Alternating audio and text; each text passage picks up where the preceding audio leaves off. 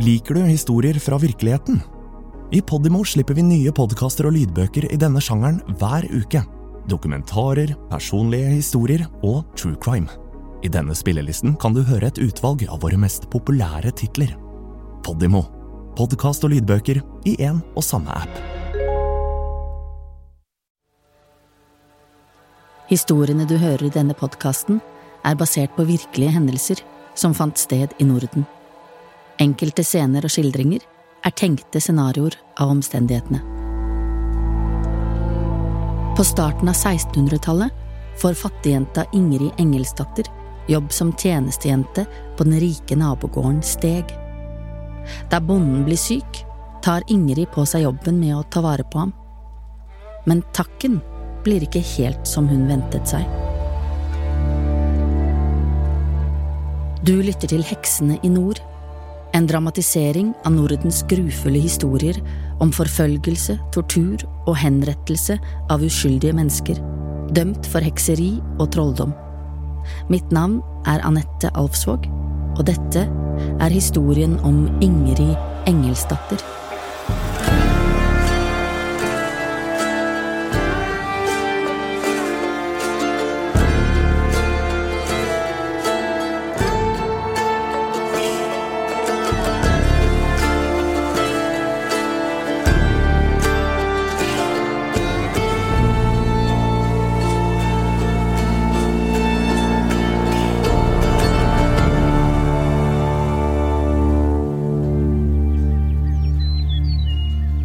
På slutten av 1500-tallet er befolkningen i Norge fremdeles rammet av pestepidemier som feier over landet og etterlater hele gårdsbruk tomme.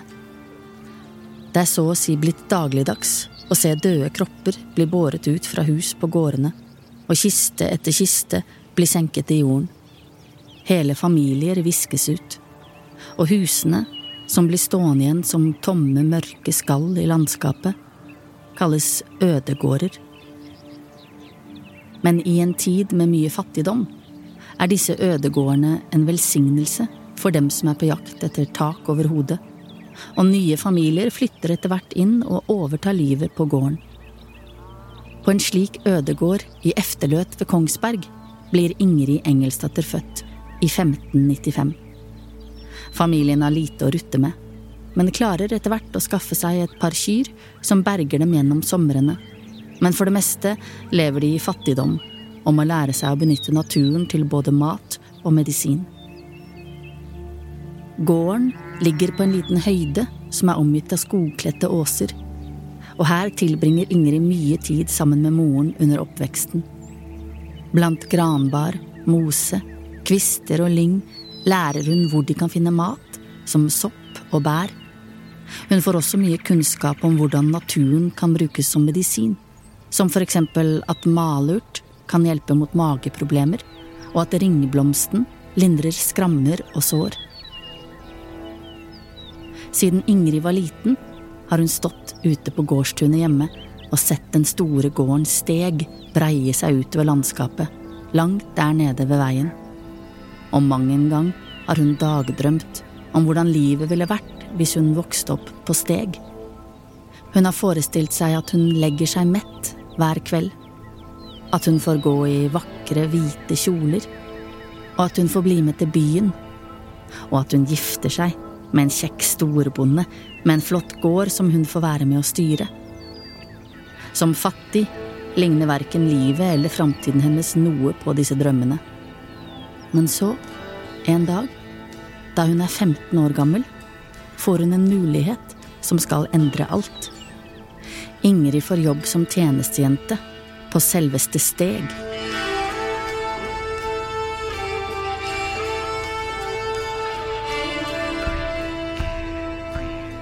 På storgården Steg er alt annerledes enn hun er vant til.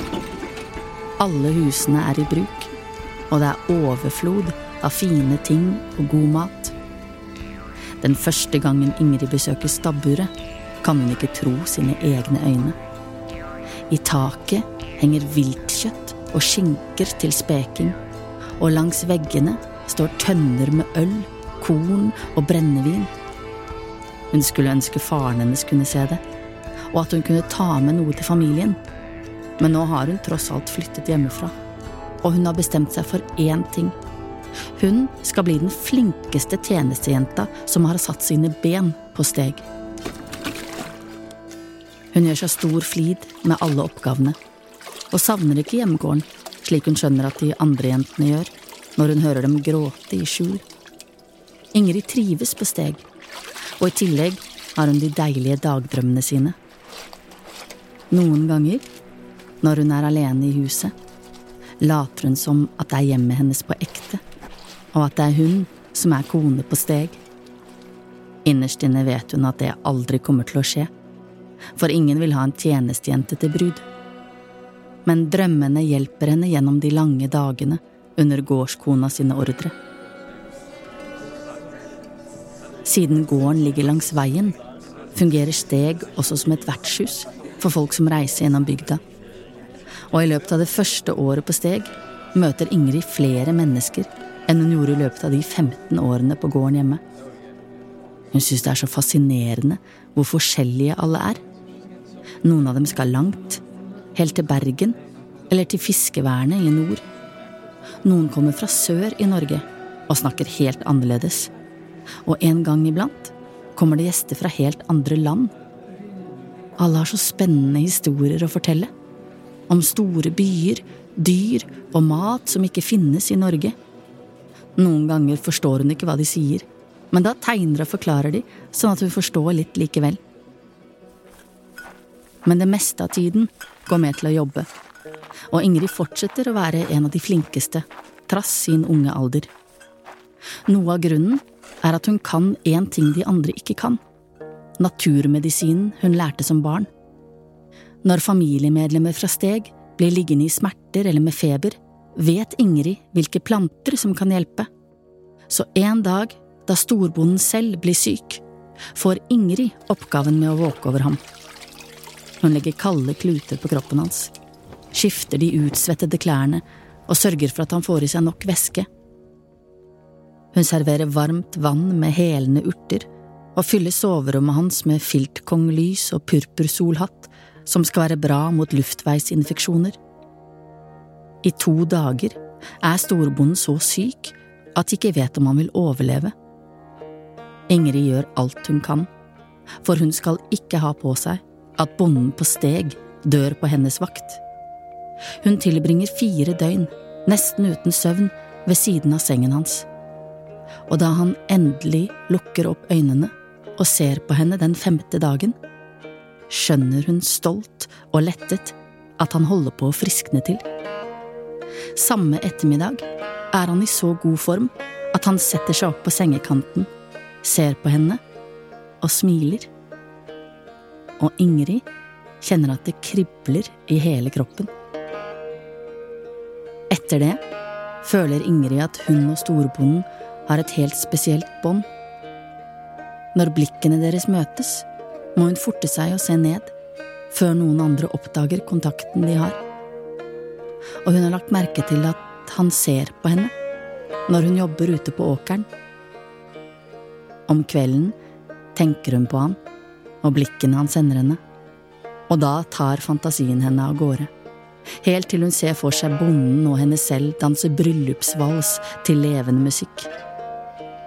Innerst inne håper hun at bonden som er en eldre, men fremdeles rakrygget og flott mann, drømmer om at Ingrid skal bli kona på steg. Men da ingenting skjer, og blikkontakten etter hvert også forsvinner, føler Ingrid seg tåpelig og dum. Selvfølgelig kan han ikke gjøre noe sånt. Gå fra kona for å være med tjenestejenta fra efterløt. Det ville blitt oppstandelse i hele bygda, ja, kanskje i hele lenet, tenker hun. Men så en kveld, rett før hun skal sovne, hører hun knirking i gulvet utenfor soverommet. Og da døren går opp, ser hun bondens lange kropp i åpningen. Lyset fra gangen former silhuetten hans, før han lukker den og det blir bekmørkt i rommet. Hun hører lyden og kjenner lukten av at han kommer nærmere. Og plutselig ligger han ved siden av henne i sengen. Det var ikke dette hun hadde drømt om, men hun tør ikke lage en eneste lyd, og ligger der, helt stille, mens bonden legger seg oppå henne og tilfredsstiller sine lyster.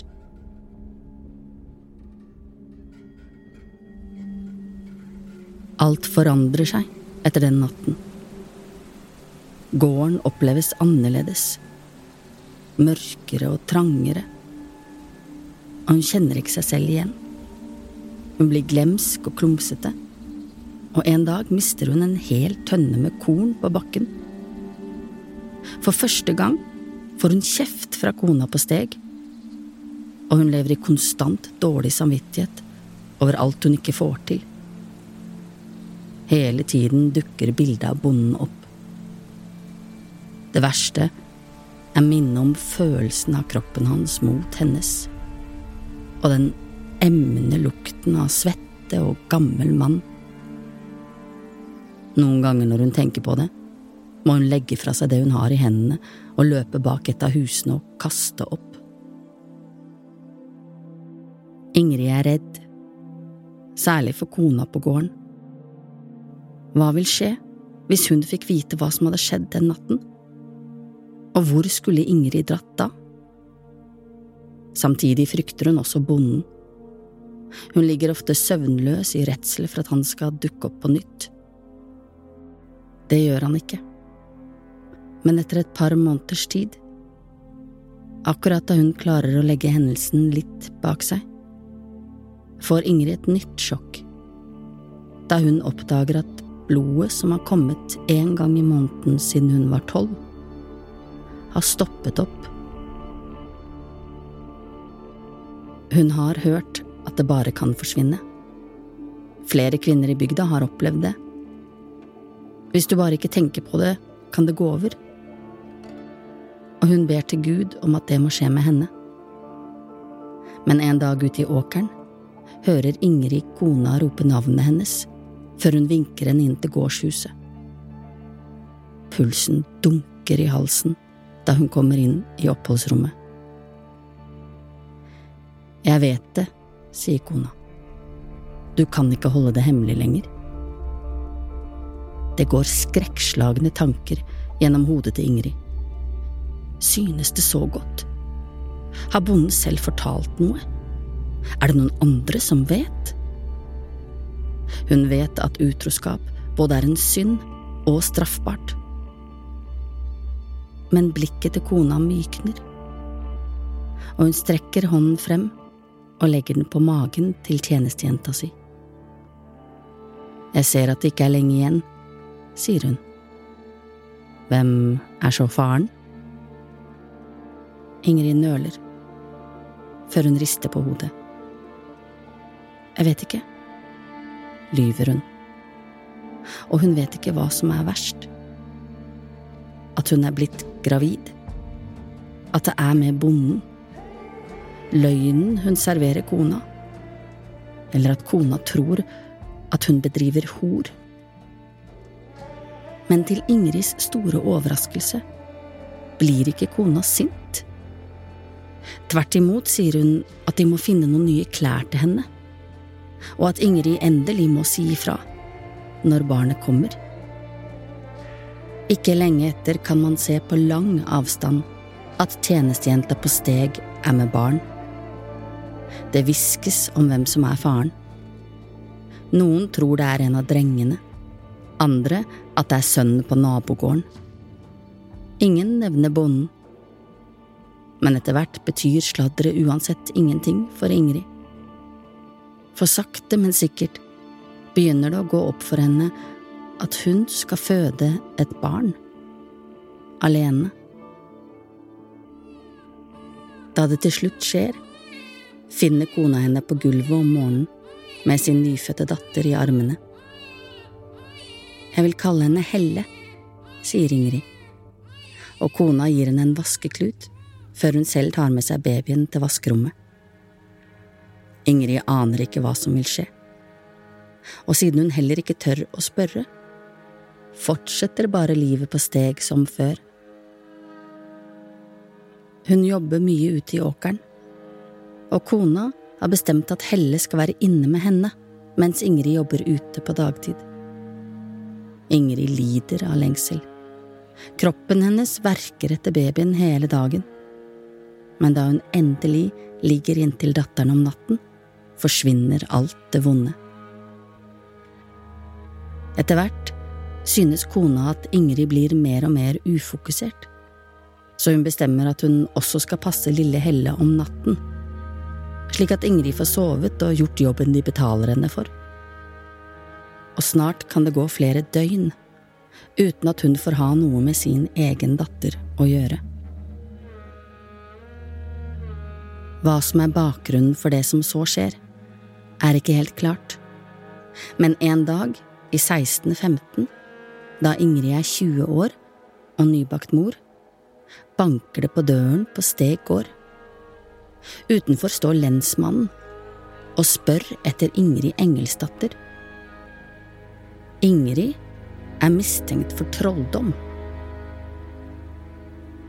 Ingrid visste at det gikk rykter om henne, fordi både syke mennesker og dyr på Steg hadde blitt friske etter at hun hadde behandlet dem med naturmidler men hun hadde alltid trodd at bonden og kona så på det som en ressurs. Nå forstår hun at det også er en gylden mulighet for å bli kvitt henne. Er det kona som har angitt henne fordi hun vil ha datteren hennes? Ingrid er bare 20 år, men hun ser alvoret i anklagene og vet at hun ikke kan utsette seg for en rettssak. Hun er fattig har født en løsunge og er uten støttespillere.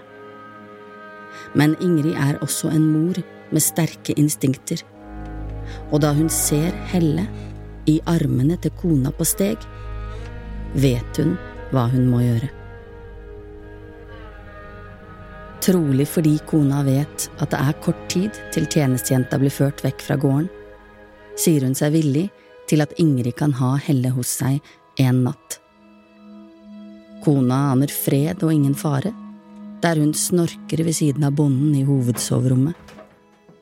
Imens lister en kvinneskikkelse seg lydløst over det knirkete gulvet i gangen, smyger seg gjennom inngangsdøren, over tunet og ut på veien. På ryggen har hun en tøypose med noe klær og matrester, og i armene holder hun en liten bylt godt inntil brystet.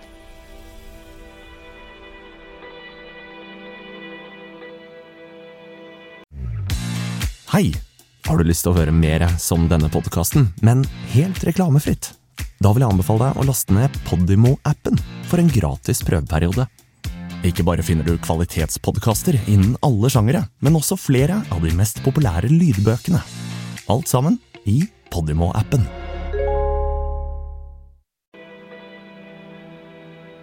Hele natten går hun. Uten mål, men med stor mening. Hun må redde seg selv og datteren. Av og til setter hun seg i et skogholt og lar øynene gli igjen, uten å miste grepet rundt datteren. Så fortsetter hun, og etter to dager når hun stedet Eiker. Da Ingrid skjønner at ryktene om henne ikke har nådd frem til Eiker ennå, bestemmer hun seg for å søke jobb som tjenestejente på gårdene hun passerer. Ellers vet hun neimen ikke hvordan de skal klare seg, hun og lille Helle. Men det er trange tider, og det eneste hun får tilbud om, er en matbit og husly for en natt eller to.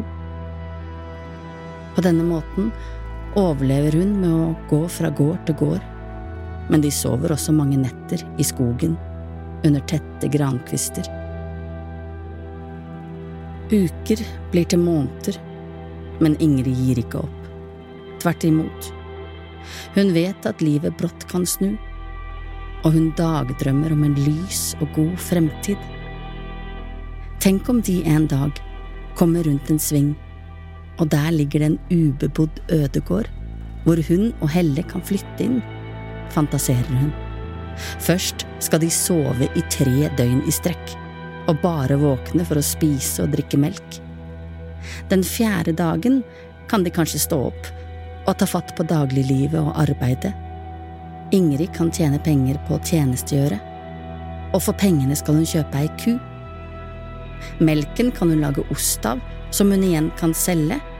Så kan hun kanskje kjøpe enda ei ku, eller en sau. Og mens Helle vokser til, får de flere og flere dyr, og da Helle er blitt voksen, er gården så stor at de må ansette tjenestefolk. Slik drømmer hun i vei mens hun vandrer. Men bak hver eneste sving finnes det ikke annet enn skog eller bebodde gårder. Og alle bøndene sier det samme. Det er fullt. De trenger ikke flere jenter. Og noen ser bare ned på Helle i armkroken hennes og rister på hodet. Til slutt har hun gått rundt hele Eiker. Og da hun skjønner at drømmegården hennes faktisk ikke finnes, går håpet i tusen knas. Spikeren i kista blir da hun kommer til en gård hvor hun nesten får innpass. Hadde du bare kommet noen dager tidligere, sier bonden, men nå har vi det vi trenger. Avslaget føles plutselig verre enn de hun har fått tidligere. Kanskje det er belastningen over tid, alle neiene hun har fått, eller at hun har mistet dagdrømmen som holdt henne oppe. Men uansett går den fanden i henne, og for første gang stjeler hun med seg mat og en flaske surmelk fra stabburet på tunet som hun legger i forkleet før hun løper i vei. Hun finner en skjult plass i skogen hvor hun setter seg ned og dytter i seg en pølse og to store slurker av den sure melken. Så ammer hun Helle før hun legger seg ned i lyngen og stirrer opp mot den grå himmelen. Det er da det går opp for henne at dette er livet deres nå. De neste årene blir hun i Eiker, og lever et liv fra hånd til munn med et lite barn. Dette kan ikke ha vært lett. Antagelig livnærer hun seg av å gi råd mot sykdom, men er ellers prisgitt det andre kan avse. Hva som skjer med lille Helle, er uvisst. Navnet hennes er ikke nedtegnet til flere dokumenter men det er ikke utenkelig at hun tas ifra Ingrid og adopteres videre. Ellers er det også mulig at Helle ikke klarte seg i livet langs veien. Det eneste vi vet sikkert, fordi det står nedskrevet i rettsprotokollen fra Eiker, er at årene som fattig, streifende tigger ender da Ingrid er 29 år.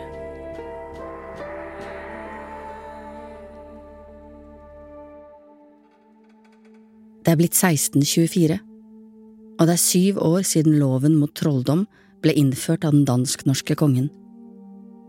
En lov som virkelig satte fart på trolldomsprosessene i Norge.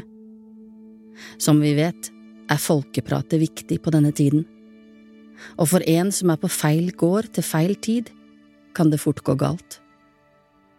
I Ingrids tilfelle er det sannsynligvis flere hendelser som fører til at hun til slutt fengsles vinteren 1624. Flere av menneskene hun har helbredet med naturmedisin, blir grepet av panikk i etterkant, og frykter at de har fått fanden i seg ved at en heks har lagt hendene på dem. Det har også vært gårder som har mistet dyr etter at Ingrid har vært på besøk, og da er det lett å gi tiggeren skylda. I rettsprotokollen står det skrevet at da hun arresteres, er Ingrid fattig, stygg og skitten, men hun oppfører seg fint mot lensmannen og hans folk. I elleve uker sitter hun fengslet i en kald kjellercelle, uten å få med seg våren som vekker eiker til liv på utsiden. Hun ser ikke hestehoven som lyser i grøftekantene, eller de myke gåsungene som gylnes på seljekvistene men på de mest solrike dagene kan hun så vidt se lyset sive inn som små, hvite striper gjennom sprekkene i steinene i veggen. Rettssaken er kort. Bygdefolket er sinte over å ha blitt lurt av en trollkvinne, og hun dømmes raskt til lovens strengeste straff. Død ved ild og bål. Henrettelsen skjer i Hokksund og gjennomføres av den omreisende mestermannen Jon. Ingrid føres til retterstedet, i de samme fillene hun har gått og levd i i mange år, foran en nysgjerrig tilskuerskare. Mange har tatt turen til Eiker for å se trollkvinnen få sin straff, og stemningen er til å ta og føle på. Folkemengden forventer hyl og hysteri da hun tradisjonen tro skal tortureres mens bålet tar fyr. Men Ingrid har ikke tenkt å gi eikefolket det de vil ha. De som ikke hjalp henne da hun trengte det som mest. De drepte sjelen hennes for lenge siden. Nå er det bare kroppen igjen som skal dø. Ingrid biter tennene sammen og holder tilbake alt hun kan. Mestermannen Jon er nok fortumlet over at slagene hans ikke får frem noen ordentlige smerteskrik. Til slutt er de fillete klærne pisket og revet vekk fra kroppen til Ingrid. Hun har klart å holde igjen, men er nå så svimeslått at hun ikke kunne skreket om hun ville. Alt svartner.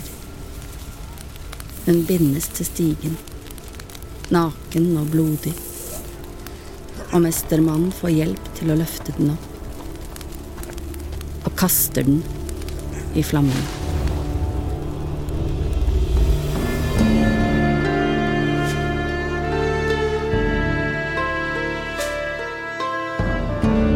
Du har hørt en episode av Heksene i nord. En podkastserie produsert av Podimo. Research, manus og idé av Pauline Østgård. Manusbearbeidelse av Sigve Kvitvik, Maria Nygren, Kjersti Kvam, Anette Alvsvåg og Fredrik Baden. Produksjon, regi og lyddesign av Fredrik Baden. Musikk ved Geir Sundstøl. Og mitt navn er Anette Alvsvåg. Nye episoder av podkasten kan du høre hver fredag, eksklusivt i Podimo.